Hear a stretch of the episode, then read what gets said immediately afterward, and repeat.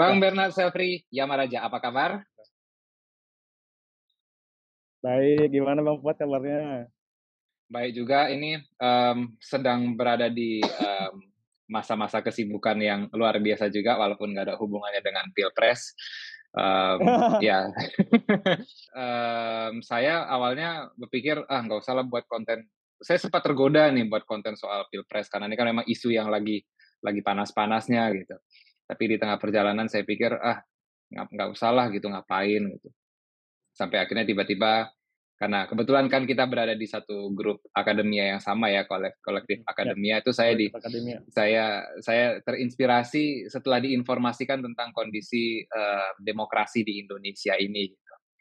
akhirnya ini salah satu alasan saya juga setelah terinformasi itu menjadi salah satu alasan saya memang untuk uh, mengundang makin semangat mengundang abang itu untuk membahas soal um, pilpres 2024 ini Nah, jadi waktu itu um, kita eh, Abang menawarkan dan dan saya saya pikir ini um, apa ya namanya judul yang bagus banget yaitu um, analisa uh, skitso analisa debat uh, presiden dan uh, debat capres dan debat cawapres. Nah, ya. sebelum ke pertanyaan ini saya pikir ada baiknya kalau uh, Abang Bang Bernard ini menceritakan latar belakang Abang, latar belakang pendidikan dan profesi sekarang Oh ya oke. Okay. Uh, latar mm-hmm. belakang pendidikan pendidikan terakhir S1 Teknik Informatika dari Universitas Islam Indonesia Yogyakarta Indonesia. Mm-hmm. Um, uh, uh, pekerjaan masih menulis, namun sekarang ada ketambahan bisnis keluarga di, mm-hmm. di bidang jualan air baku sama gas LPG 3 kilo sama uh, jahit pakaian Oh, penjahit oh. juga ya, tailor ya. Uh, yang ya yang jahit mama, aku cuma ini aja manage apa uh, ya apa itulah uh, the, the apa uh, strategi marketing gitu gitu. um, skitsoanalisa ini kan kaitannya kerap uh, er, uh, kaitannya erat dengan psikologi. Um, dengan background akademik yang nggak pernah bersentuhan dengan psikologi, um, Uh, kompetensi seperti apa yang Abang punya untuk kita membahas ini? Kompetensi sebagai manusia aja sih. Sebagai manusia aja ya. Iya, empati aja. karena karena karena kita dua sama-sama bukan orang psikologis, ya, jadi ini akan menjadi podcast ini pastinya akan menjadi ajang pembuktian kita kepada Indonesia bahwasanya tanpa ya. latar belakang edukasi soal suatu eh, bidang yang spesifik pun kita bisa membahas itu. Nah, sebelum bahas ya. tentang skitso analisa capres cawapres, hmm. Bang Bernard bisa jelaskan ke ke saya dan ke audiens saya hmm. apa itu skitso analisa? Skitso analisa itu adalah sebuah teori yang dibuat oleh dua orang, uh, mm-hmm. Profesor Jus Delus uh, dan mm-hmm. Dr. Felix Guattari. Uh, Dr. Felix Guattari itu seorang psikiater Uh, mereka berdua itu uh, pemikir Marxis, ma uh, apa pemikir Marxis. kiri juga, mm-hmm. Marxis. Uh, dua-duanya orang Perancis. Um, apa uh, dan ma- ma- mereka itu membuat antitesa dari tesis psikoanalisa modern Sigmund Freud yang mungkin sudah banyak kenal juga uh, Sigmund Freud. Uh, uh, bagi yang belum tahu Sigmund Freud, Sigmund Freud itu dok, neurolog, neurolog. di apa uh, neurolog Austria uh, pada masa First Reich uh, kerajaan Austria that was before Perang Dunia Satu uh, hmm. dan psikoanalisa Sigmund Freud itu sangat fenomenal karena uh, itu ilmu yang mampu memahami manusia seutuhnya artinya seutuhnya itu ya sungguh-sungguh kita bisa tahu orang itu tuh memiliki jiwa bagaimana, niatannya apa, dan itu kan hampir seperti seorang ahli nujum gitu. Dan itu uh, right that, that's uh, one of a kind uh, apa skill lah gitu, bukan bukan sembarang mm-hmm. orang yang mampu apa tiba di level ilmu setinggi itu gitu. Nah, um, tetapi Sigmund Freud ini uh, memiliki ketidaksempurnaan dalam hipotesanya, uh, sebab hipotesanya itu dipandang sebagai illogical. Nah, uh, tentu di Eropa yang kita sebut apa logika itu kan logika Aristotel. Uh, mm -hmm. If eh, if if x then uh, then y. If x if if x and y then z gitu. Uh, so yeah, ada yeah. apa? Uh, yeah. uh, apa? Right. Uh, Deduction, deductional logic salah satunya gitu kan, non deductional yeah. logic. Ya, ya, bidang saya itu. True, true. Nah, uh, apa? Uh, Mbak, uh, satu informasi menarik. Kalau yang aku tangkap di Indonesia itu tuh kata-kata logika itu tidak tiga layer gitu ininya if if if dan-nya itu tuh. Mm -hmm. uh, tetapi disederhanakan atau direduksi menjadi kausalitas sebab akibat cuma cuma yeah. fx dan dan y gitu pak. Padahal logika itu tuh sebenarnya silogisme. Jadi ada tiga ini tiga apa ya? Ya ya tiga, tiga variabel gitu. Nah nah itu apa before I go apa uh, apa deeper into into uh, uh, into Sigmund Freud analisa right? Sigmund Freud nah. analisa right Now, okay. uh, right, uh, uh, Jus Delus dan Felix Guattari itu menerbitkan satu buku berisi dua volume. Yang hmm. pertama uh, volume satu itu judulnya Capitalism and Schizophrenia. Uh, ya, sorry. Uh, judul utamanya tuh Anti Oedipus. Nah, anti Oedipus. Tapi ada oh. Anti Oedipus. Nah, mengapa Anti Oedipus? Karena uh, implikasi teori Sigmund Freud itu uh, menyebabkan banyak generasi muda salah paham terhadap orang tuanya. Nah, sebab hmm. mereka meyakini bahwa uh, oh kak kami itu Oedipus kompleks ya. Iya iya.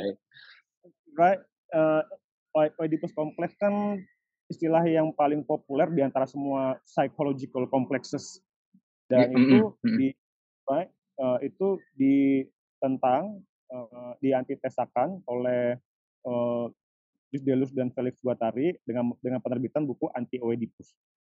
Nah, uh, Anti Oedipus itu simply antitesa dari uh, dari dari psikoanalisa mm-hmm. atau uh, buku utama Sigmund Freud itu kan Das Ego und das Ich bahasa Jermannya. Das Ego und das Ich. Ya, Das Ego. The I. Hmm. The ego and the, the ID. The, the, uh, id, uh, uh, uh, it, it, it, right, id, right. Id, ya, ya, ya. Uh, right. Now, uh, apa? Kemudian, hmm, apa? Uh, wait, coba, coba.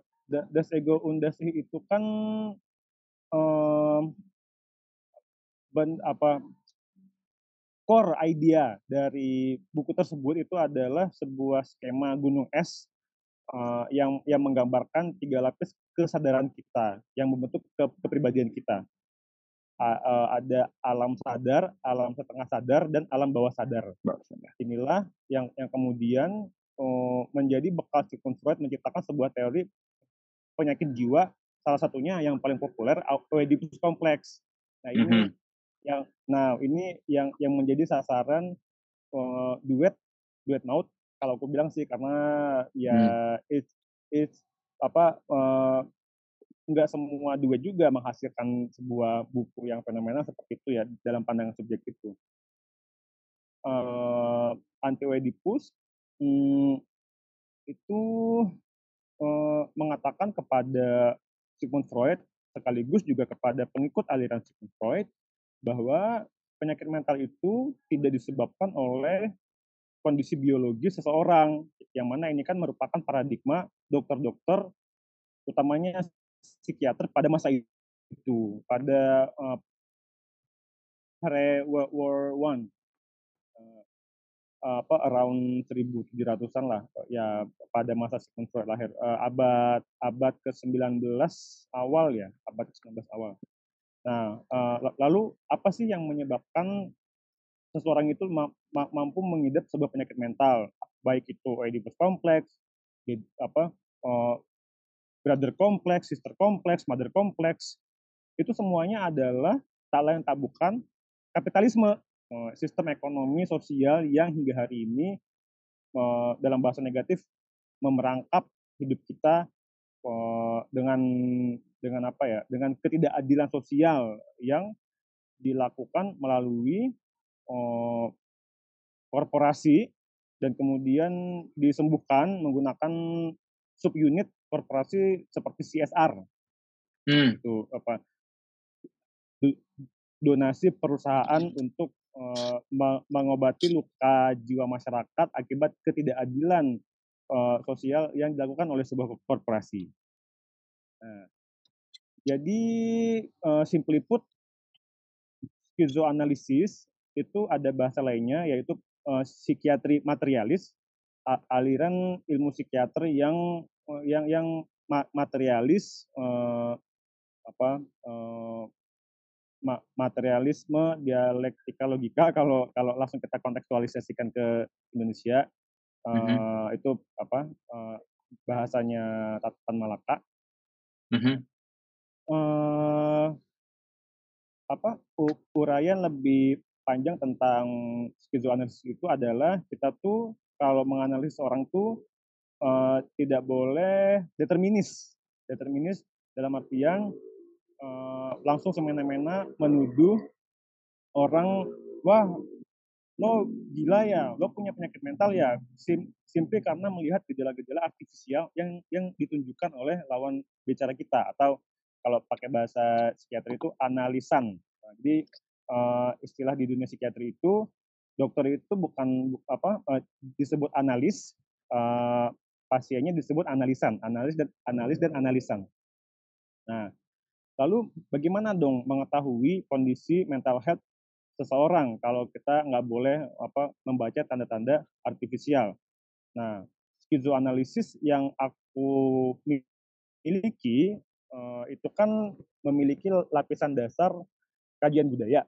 I, I was I was uh, I got accepted di jurusan kajian budaya Universitas Sanata Dharma Yogyakarta around 2022 Juli apa karena sebuah masalah personal I have to I uh, I have to uh, leave the left left the plan together and and and apa right uh, and feel enough with apa uh, uh, being uh, trained philosopher like like this gitu like like yeah like every member in the collective academia.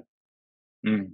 Nah, so uh, yang harus aku kasih tahu juga pertama-tama tentang skizoanalisa itu bahwa teori setiap skizoanalis itu unik, berbeda-beda tiap individu, tidak seperti teori psikoanalisa uh, yang sangat general dan uniform sama semuanya. Uh, psikiater dari era Sigmund Freud, hingga di Indonesia kita punya PDG SKJI Satuan Dokter eh, Dokter Jiwa seluruh Indonesia penting um, mm -hmm. uh, itu apa uh, perbedaan pertama yang yang mendasar antara seorang skizoanalis dan seorang psikoanalis bahwa skizoanalis itu unik dan psikoanalis itu uniform seragam. Mm. Nah itu mm. nah itu itu that's that's uh, the the thing we we really want to differentiate. Uh, di, differentiate ya. First thing first uh, di, diferensiasi itu yang harus kita uh, ta tahu. Nah, Lalu uh, dalam skizoanalisis pasien itu tidak disebut sebagai pasien, bahkan analisan juga tidak digunakan, melainkan body without organ atau sering disingkat dengan uh, inisialnya B besar, W kecil, O, o, o besar, BWO. Why uh, our so so called patient are uh, body without organs? Karena uh, skizoanalisa itu anti anti esensialis. Jadi uh, kami masih meragukan keberadaan Tuhan. Okay. Simply untuk simply untuk uh, berbuat adil terhadap pembacaan kami pada lawan bicara atau komunikan atau interlokutor atau apa analisan gitu. Uh. So that's uh, one positive thing about uh, being a schizoanalyst. Kami memeriksa uh, apa sih penyebab sosial seseorang itu mengidap gejala mental illness ketimbang memeriksa dia dengan seperangkat alat ukur psikiatri yang juga ya yang yang determinis. Hmm. uh, selain determinis juga falusentris, seksis, misoginis. Uh, of course semua itu tidak adil untuk apa ter, terutama gender perempuan uh, dan of course I believe kita mau hidup di dunia yang uh, anti maskulin karena uh, so far mas masculinity itu identik dengan toxic apa toksin uh, that's why kita juga mengenal istilah uh, toxic mas masculinity. However uh, some, something that is toxic I I believe juga tidak harus selamanya toxic. Nah itulah uh, salah satu tujuanku belajar gitu analisa to make a, a better world for for all of us. Uh, uh, dengan dengan ya ya dengan ini dengan dengan menerima ajakan untuk bicara tentang uh, skill analisis dan uh, terus menerus uh, memberitahu bahwa when you are mahasiswa atau mahasiswi psikologi you really want to know about the, the other side of the coin uh, of your own ilm atau, atau of your own knowledge about psychoanalysis. Because tahun 2022 itu aku pernah juga di interview uh, mahasiswa psikologi sebuah kampus di di Jakarta, sebuah kampus negeri di, di, di Jakarta. Dan dia semester 3 dia masih menggunakan psikoanalisa yang sangat apa ya uh, ya sangat dasar lah yang bisa kita temui informasinya di internet. Uh, pas aku di interview mahasiswa psikologi semester 3, mereka masih pakai yeah, yeah. Sigmund Freud now, right. Mm. Nah, that was so absurd because dengan perkembangan feminisme saat ini kok masih ada sebuah institusi uh, ngajarin Sigmund Freud uh, tanpa didampingi dengan uh, Felix Guattari uh, or uh, hmm. apa lengkapnya Felix Guattari and Just Deleuze because ya yeah, both are a team uh, gitu itu apa uh, sederhananya analisa itu seperti itu Bapak. Hmm. Um, sekarang kita akan menggunakan metode itu untuk menilai performa debat capres. Ya. Kan kira-kira ya. begitu. Dan cawapres juga nih biar seru kan, biar panjang. Dan gitu. cawapres juga, betul, betul. Dan cawapres juga. Um, kira-kira bagaimana metode yang akan Aba lakukan di dalam menganalisa mereka? Tentu analisis sosial karena uh, like I said uh, the paradigm of schizoanalysis itu my version because like I said uh, each schizoanalysis itu unique not like uh, it's a psychoanalyst uh, uh, psychoanalyst essentialist Freudian ya itu hmm.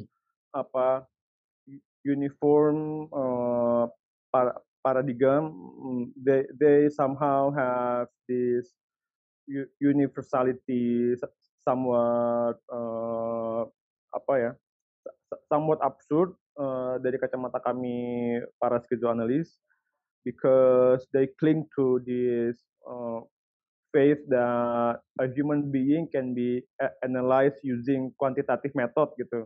Mm-hmm. Because mm-hmm. apa uh, we know manusia itu bukan sebuah benda yang bisa diukur metriknya uh, volume, alas tinggi, lebar, luas gitu-gitu kan. Mm. Uh, yes, kita bisa mengukur tubuh kita tinggi, tinggi tapi bagaimana kita mengukur jiwa jiwa itu nggak bisa diukur uh, yes kita punya filsafat moral untuk menganalisis moral kita sebagai uh, pancaran jiwa tetapi kan itu hanya pancarannya bukan bukan jiwanya per se gitu mm. nah uh, bukan bukan bukan bukan bukan jiwa ansih. Ansih. Gitu. Yeah. Right, right. Uh, so uh, yang akan aku baca pertama-tama adalah kondisi pasca COVID-19 uh, yang menyebabkan uh, semua parole atau tutur kata dari ke enam uh, calon pemimpin dan wakil pemimpin kita. Hmm. Gitu.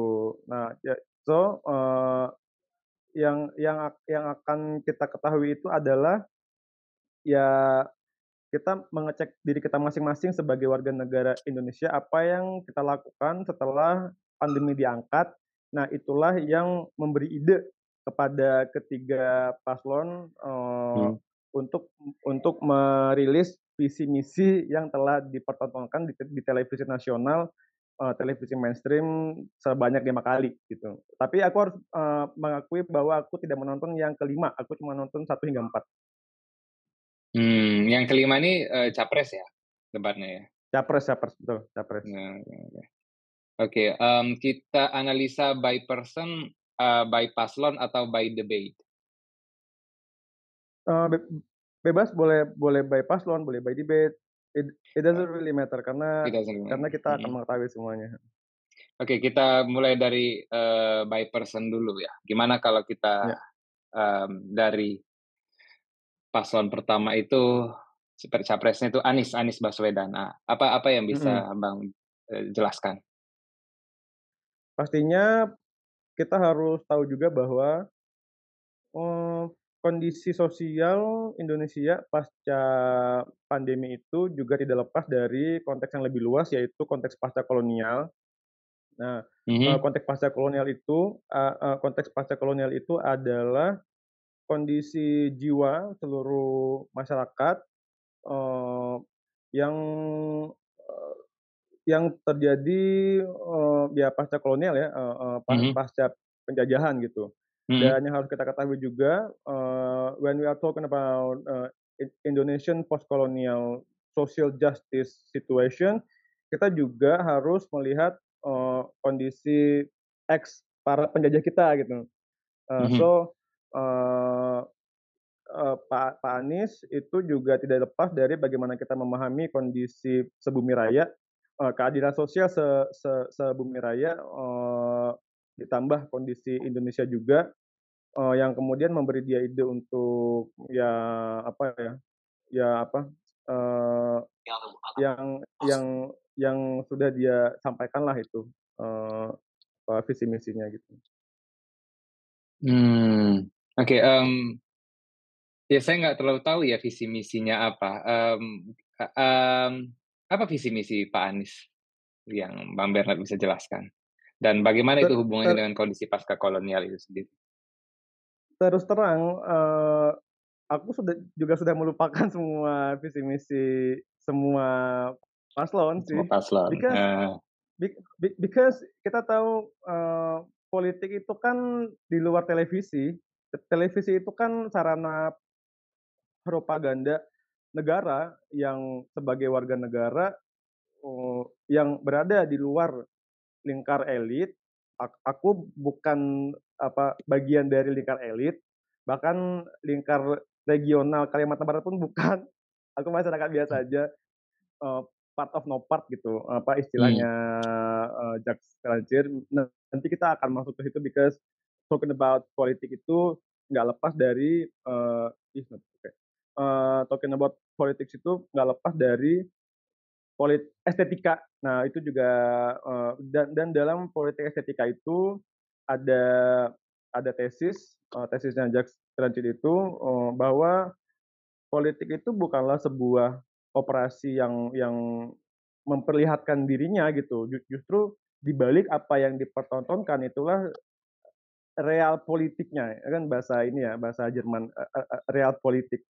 Politik yang uh, secara sederhana aku aku pinjam lagi istilah uh, filsuf Perancis uh, Jacques Derrida politik of friendship politik pertemanan. Inilah yang kemudian disederhanakan oleh Amerika kalau nggak salah dengan menyebut kata oh, oligark gitu.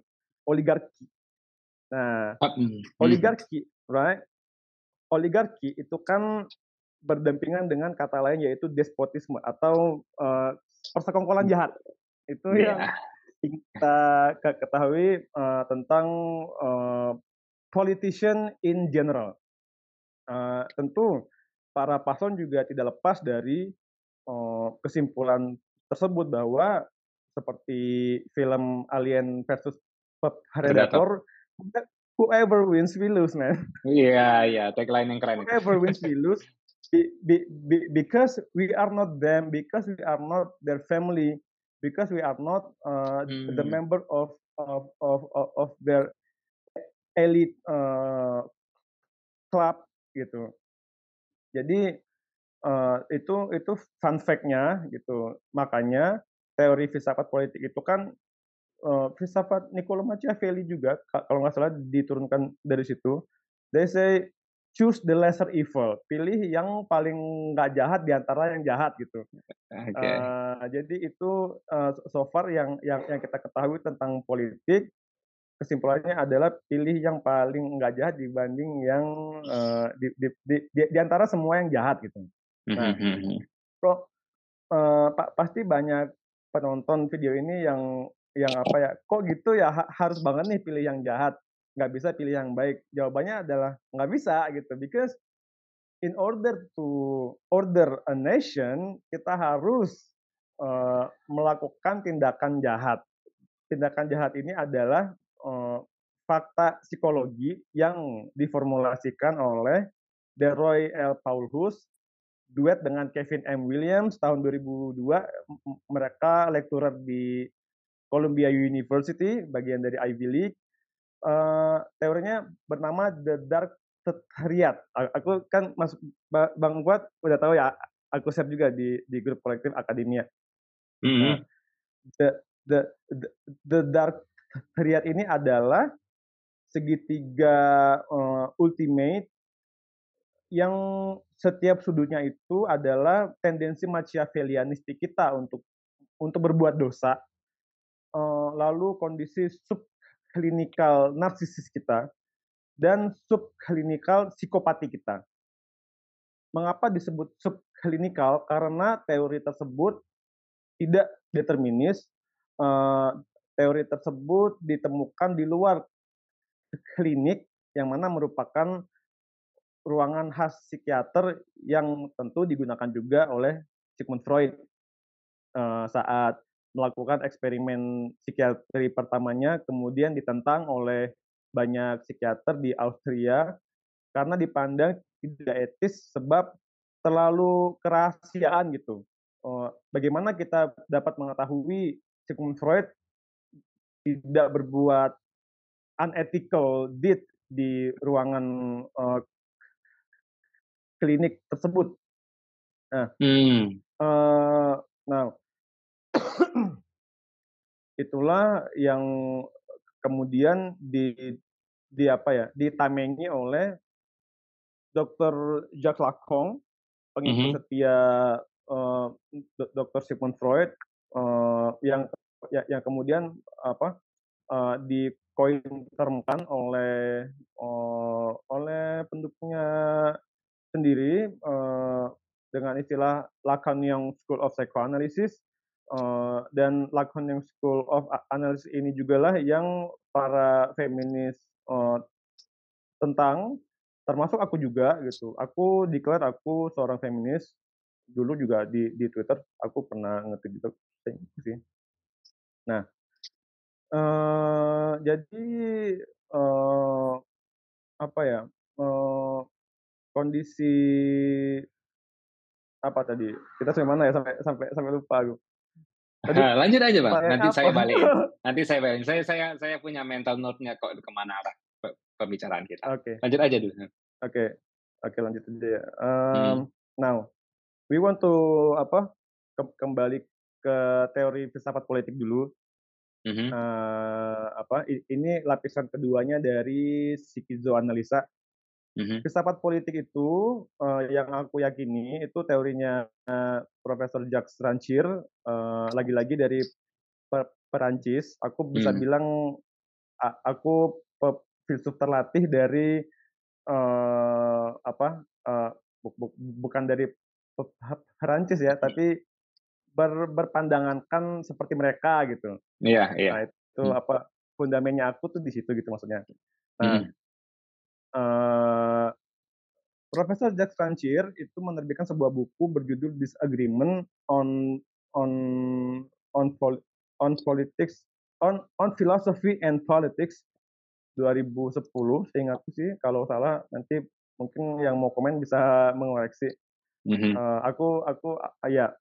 Uh, di buku tersebut ada subbab tentang nihilisme dan uh, ark, ark, uh, sorry subbab tentang metapolitics and archi politics jadi para politikus itu memanfaatkan dua hal untuk uh, apa ya membangun moral pendukungnya, merebut swing voter, yaitu dengan uh, nihil, sorry, dengan metapolitik and arkepolitik, yaitu politik yang menggaungkan nostalgia kemenangan masa lalu menggunakan versi sejarah kanon, sejarah yang dibakukan oleh hmm. ya mereka sendiri ya, oleh para lingkar elit global.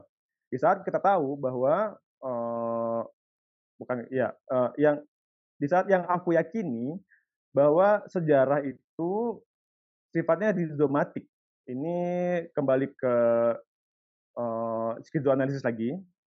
Rizomatik itu ada di uh, part kedua dari buku anti-OEDP, uh, sorry, lanti-OEDP itu bahasa ya uh, or anti-Oedipus. Uh, uh, apa uh, Rhizome itu ada di part keduanya berjudul A Thousand Tattoos atau Seribu Bukit uh, atau ribuan bukit sebenarnya. Tidak tidak mengacu pada numerik yang persis ya. Uh, apa rizomatik rizomatik itu kan istilah yang dipinjam dari ak akar tanaman akar serabut. Nah yang arahnya ke mana-mana gitu. Right multi multilinear. Okay. nah uh, so Mosi tidak percaya itulah yang aku lakukan dengan ya openly talking about this uh, schizo analysis thing to you and and to our audience. Uh, meanwhile, um, apa ya? Ya itu sih. Tadi lupa lagi gue mau ngomong ke arah mana ya gue. Oke, okay, jadi gini, um, yang ya. mau yang mau coba saya um, sedikit um, komentar ya. Jadi sejauh hmm. yang bisa kita ketahui um, karakteristik dan tendensi-tendensi semua paslon-paslon ini kan hanya bisa kita dapat dari TV. Dan dan yes. saya pikir uh, saya pikir abang itu um, sepakat bahwasannya itu adalah panggung sandiwara saja, tidak menggambarkan mereka yang asli Sepakat, baik secara ya. personal ya. maupun secara agenda ya. politiknya. Nah, ya, ya. Um, kalau memang sumber utama dan sumber satu-satunya yang kita miliki itu juga tidak bisa kita percayai, bagaimana kita bisa ya. analisa mereka? Sementara itu cuma sumber di mana oh. kita bisa menjadikan mereka sebagai uh, ini sebagai sumber. De dengan mengumpulkan testimoni dari para warga survei. Oh, iya, iya. Nah, iya. itu dia metodologi penelitian jurusan kajian budaya untuk mengumpulkan pengetahuan testimonial. Mm-hmm. Oke, nah, oke. ya, itu uh, sejujurnya aku lakukan juga di Pontianak because uh, national politik itu tidak hanya tidak lepas dari global politik constellation, mm. but also uh, regional uh, politik constellation. Uh, itu uh, pandangan pasca kolonial juga ada satu buku uh, di Pesta Kerabarti uh, berjudul Provincializing Europe dan itu uh, aku pakai untuk memaham, memahamkan diriku bahwa oh iya ya uh, keadaan individu diri kita masing-masing di, di sebuah negara itu nggak hanya ditentukan oleh uh, keluar-keluarnya elit di ibu kota, tapi kita punya semacam ketahanan provinsial yang uh, bisa kita jaga agar apa pun yang terjadi di ibu kota itu kita imun nggak kena nggak kena dampaknya gitu. Nah ini apa ya puncaknya pelajaranku tentang pasca kolonial itu di situ di, di Pes Cakrabarti itu. Hmm oke. Okay. Dari uh, testimoni nah, ini. Tapi tapi tapi mm -hmm, aku harus akui bahwa aku harus akui bahwa aku tidak atau belum sempat mewawancarai semua orang di Kalimantan Barat because because ya sudah terlambat karena uh, ya pilpres tinggal sebentar lagi gitu jadi ya I just let it go. Hmm. Uh, udah berapa kali wawancara wawancara orang untuk pilpres ini? Kalau kalau dihitung tidak lebih dari 20 orang lah yang aku kumpulin hmm. testimoninya. Hmm. Sangat sa sangat sedikit. That's why that's why apa ya? Uh, that's why I I admitted that uh, yeah I, I just let it go. It's it's just too late. Oke. Okay. Tapi setidaknya dari 20 data ini kan kita bisa punya gambaran walaupun gambarannya nggak nggak mm, nggak holistik ya. Um, um, kira-kira dari yeah. gambaran-gambaran dari 20-an um, apa namanya testimoni ini kesimpulan apa? Skitso analytically speaking yang bisa Ke, mengkasih. Skitso analytically speaking di Kalimantan Barat itu masih terdampak globalisasi Amerika. Oh, interesting. Uh, uh. Ya, ya. Jadi hampir ke 20 orang itu swing voter masih labil gitu. Swing, oke oke oke oke oke. Ya, swing voter ya. kan, ya gitu. Mm -hmm. swing, voter kan uh, ilmu politik Amerika. That's why aku bilang uh, Kalbar masih kena dampak globalisasi Amerika nih. Swing voter gitu. rasa politik Amerika. Oh, ini informasi swing baru sama kan, saya. Really? Iya. It's, it's just really impossible. Sebab makanya saya bilang saya lemah di bagian bagian politik. Jadi ini informasi makanya saya agak terkejut. Oke okay. oke, okay, tolong eh, jelasin lagi jelas eh, lanjut lanjut lanjut. Ya, uh, ya itu nggak ada lanjutnya. Oke, oke. Okay. Yang ini. Um, swing voter ini kan ibaratnya voter yang belum menentukan sikap secara secara yes. saklek kan yes. kan begitu ya. Artinya yes. akan yes, yes. akan besar kemungkinan mereka bisa dipersuasi dengan dengan dengan apa pun. Gitu. Sangat besar. Mm-hmm. Sangat besar. Uh, um, um, menurut hmm. Bang Bernard, um, seberapa besar pengaruh yang bisa diberikan dengan hasil debat-debat uh, capres dan cawapres? Uh, dengan catatan kita mempersuasi mereka 50-50 lah ya, 50 persen ya. Dampak televisi yang tadinya 100 persen dapat dapat direduksi menjadi 50 persen. But like I said, that was just too late, man. So hmm. the answer hmm. is uh, right. We we we cannot uh, change the swing voter. Oke, okay, um, ya uh, walaupun ini adalah bah- uh, kalimat yang netral ya, bahwasanya ini sudah terlambat um, untuk terutama terutama untuk me, me, apa istilahnya ya, mengubah pilihan-pilihan mereka. Jadi tapi dari kalimat ini sepertinya mengindikasikan bahwasanya ada besar kemungkinan mereka ini bakal memilih pemimpin yang yang salah. Um, kita kita tidak menentukan hmm. siapa yang salah siapa yang benar di sini. Um, tapi um, kira-kira kalau misalnya mereka salah salah memilih, um, hmm. apa dampak yang akan mereka alami setelah uh, yang mereka pilih itu jadi presiden? Kemungkinan besar masih akan terjebak pada hostile culture. Hostile culture. tapi lupa hostile culture. It, it, hmm. uh, apa uh, work, work workaholism, workaholic. Workaholic ini bukan sebuah trait yang positif in my Bang opinion, in of course, it's negative. Why? Because the apa the the half part of the word ada kata holiknya obviously is abusive and anything abusive is negative. It's not good. Yeah. Okay. Okay. It's not good. Not good. It's uh, not. Bad. Yeah. Hmm. Ya, uh, very very good answer saya pikir. Hmm. So, um, saya masih ingat di sekitar mungkin sampai sekarang juga ya hustle culture, toxic hmm. masculinity, hmm. habis itu alpha maleism yes. sebagai gerakan yes. counter dari wokeism dan feminism kan. Ini sebagai sesuatu yang yep, sangat yep, yep. populer di Amerika gitu. Tokoh-tokoh yang paling yep. saya kenal itu kayak Andrew Tate salah satunya itu extremely toxic saya pikir ya. Apa? Andrew Tate. Namanya Andrew, Andrew Tate. Tate. Oke. Okay. Ya, Andrew, pernah Andrew dengar? Tate siapa? Nah, dia salah Nggak satu tokoh, uh, tokoh hustle culture uh, toxic mas yang sangat oh. toxic uh, gitu. Jadi dia menceritakan tentang laki-laki itu harus dominan di atas perempuan, perempuan tuh dianggap seperti objek, ya punya tendensi misoginistik dan lain sebagainya. Um, itu adalah gerakan sebagai counter dari gerakan wokeism yang sangat uh, sangat santer di barat sana gitu.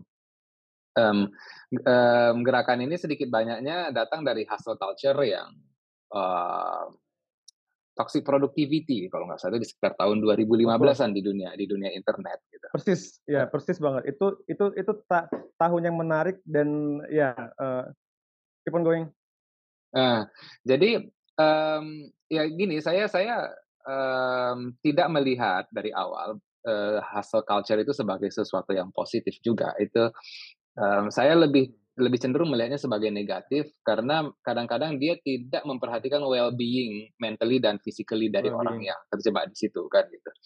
Um, tapi yang menurut saya uh, menarik di sini adalah bahwasanya um, workaholisme um, itu adalah sesuatu yang uh, apa namanya ya masih merupakan bagian yang sangat um, kuat di terutama di wilayah Kalbar sana ya. Um, ya yes, begini, banget banget banget soalnya soalnya ya mohon maaf ya saya saya pikir kebanyakan orang Indonesia hmm. saya tahu males pemalas gitu kok ada hasil culture gitu uh, hmm. on the contrary no uh, uh, in in my life experience in in my lived experience semua orang Indonesia itu sangatlah pekerja keras saking saking pekerja kerasnya uh, smart worker itu like myself itu di abuse oleh para pekerja keras ini as as if I'm a lazy person. I'm not a lazy person. I'm a diligent person. That is it. Apa itulah Pak yang yang yang ingin kita ketahui dari pasca kolonialitas itu menciptakan semacam dua kelompok masyarakat, uh, the hard worker and the smart worker. Tapi kelihatannya yang masih dominan di sini adalah the hard worker-nya ya. Tentu saja karena kondisi perekonomian kita masih apa ya, ya negara berkembang ya, negara dunia ketiga. Negara dunia gitu. ketiga. Even right, right. Hmm. Kira-kira um, di antara tiga presiden ini, kita tidak sebut siapa dan kita sebisa mungkin nggak nggak menyuarakannya ya kan gitu. Um, ada nggak yang menurut ini menurut ya menurut Bang Benat pribadi ya ada nggak yang mempunyai yeah, potensi yeah. untuk mengubah budaya dari hard worker menjadi lebih ke smart worker? Gibran, eh sorry, uh, you know, well sudah tersebut. Uh, sudah tersebut ya. So oke, okay. uh, kita go on, go on, no, no problem, no problem. Gibran, Gibran of course Gibran, Gibran, Gibran. Why? Because um, I believe and I want you guys also to believe generasi hustle culture itu kan kebanyakan Gen Z. Nah, uh, jadi uh, dalam pemahamanku tentang gap antar generasi dalam hal komunikasi itu sudah tidak dapat tertolong lagi. Uh, ya karena Gibran masih muda, jadi cuma dia yang bisa berkomunikasi ke segenerasinya untuk memperhatikan well-being physically and especially mentally because uh, my concern is in the mental well-being. Kalau kalau fisik sudah nggak perlu ditanya lagi. Uh, apa ya? Uh, Indonesia itu uh, not not not to being a eugenist gitu, tetapi kombinasi uh, antara kemiskinan dan uh, apa ya ya tekanan uh, sorry um, uh, well uh, what was I about to say lost in the thought process I see um, sorry oke okay. uh, kalau kita fokus ke fisik itu jadinya nanti determi nanti nanti jadinya pasis. gitu. So uh, we want to focus on the mental well-being rather than uh, physical physical, physical well-being. Ya, because uh, kalau kita fokus ke physical well-being, nanti kita akan mempromosikan budaya gym yang mana itu sejauh ini masih uh, toxic masculinnya masih ini ya masih ada gitu dalam pandanganku.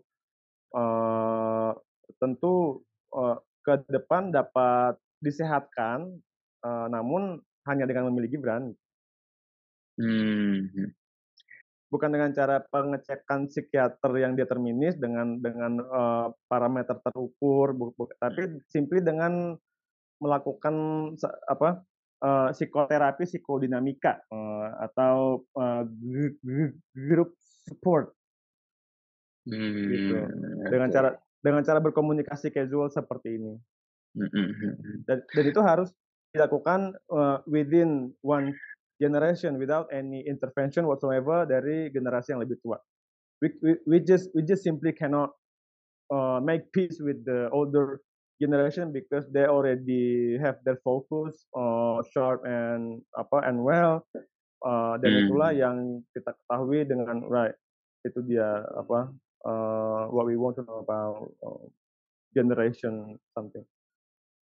Ya, yeah, ini waktu something waktu kita tinggal 9 menit lagi, jadi um, nanti akan saya kasih oh. satu pertanyaan terakhir. Tapi saya berusaha untuk uh, me menyimpulkan uh, dari uh, beberapa menit pembicaraan kita tadi ya, um, hmm. bahwasanya um, Gibran adalah orang yang cocok untuk me mengkomunikasikan tentang isu-isu yang berkaitan sama generasi-generasi kayak kita ya Gen Z terutama ya hmm. terjebak di dalam tren hustle culture ya hmm. um, tidak tidak tidak tidak tidak uh, banyak buruknya lah kan begitu ya um, hmm. ya yeah, that, that's one thing tetapi hanya karena dia adalah orang yang cocok untuk mengkomunikasikan itu bukan berarti dia adalah uh, pemimpin yang ideal untuk Indonesia that's another issue kan gitu ya um, kualitas uh, kualitas dan, di satu sisi mm -hmm faktanya kan memang dia bukan capres, dia cawa cawapres. Wakil. Cawapres ya.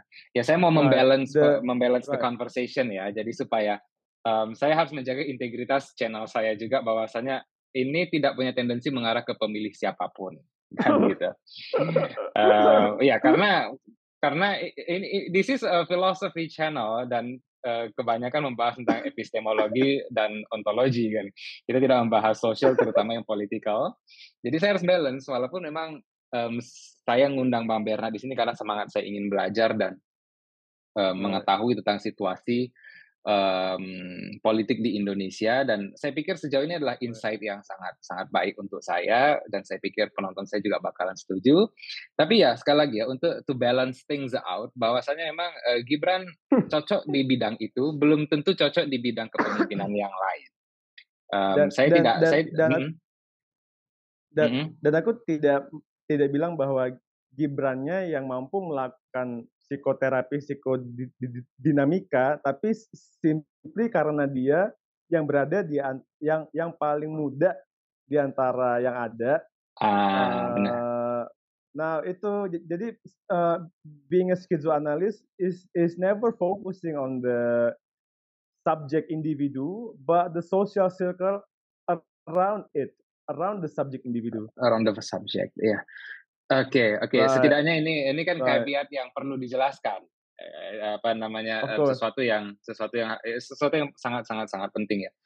Um, um, saya jujur aja, saya belum memilih siapa pun, saya belum menentukan pilihan, tapi memang saya hmm. sempat tergoda dengan dengan potensi Gibran sebagai um, orang yang akan mengubah uh, tren persepsi generasi tua terhadap um, seperti apa generasi milenial ke bawah ini. Karena menurut saya sam hmm. bahkan sampai sekarang di mana milenial-milenial udah ada yang mau mendekati umur 40 masih dianggap sebagai generasi Bro. muda.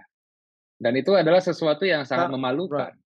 Memalukan. It's very ignorant uh, for the um, elder older older generation part. Mereka sangat ignorant. Kami berada di umur yang sangat efektif bahkan untuk mengemban posisi-posisi kepemimpinan tinggi di negara ini. Saya tidak bilang presiden atau wakil presiden, hmm. tapi kepemimpinan yang tinggi.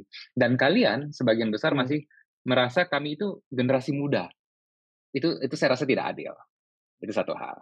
Um, saya pikir kita, uh, saya pikir saya sudah cukup menjelaskan tentang posisi politik di sini, uh, tentang tentang kondisinya Gibran. ya, jujur aja saya sempat gengsi mau mau, mau bahkan mau mempertimbangkan beliau ya karena aduh umurnya kan 87 ya, kelahiran 87. Saya beda tiga tahun sama saya. Wah, tiga tahun sama saya nih 8, saya. 84 malah kayaknya. 84 ya. Uh, tapi tapi intinya dia nggak terlalu jauh umurnya. Nggak terlalu jauh umurnya sama iya, iya saya iya. dan itu harga diri saya itu iya. semacam tercabik-cabik gitu. Dia sudah mau jadi calon wakil presiden, saya masih youtuber kan gitu. um, tapi kan kita nggak bisa apa do, doing comparison apa to, to each other in that kind of way That's why yeah. ada uh, ada Jacques Rancir uh, yang merupakan seorang uh, anti sociology dan I myself I myself also an anti sociology.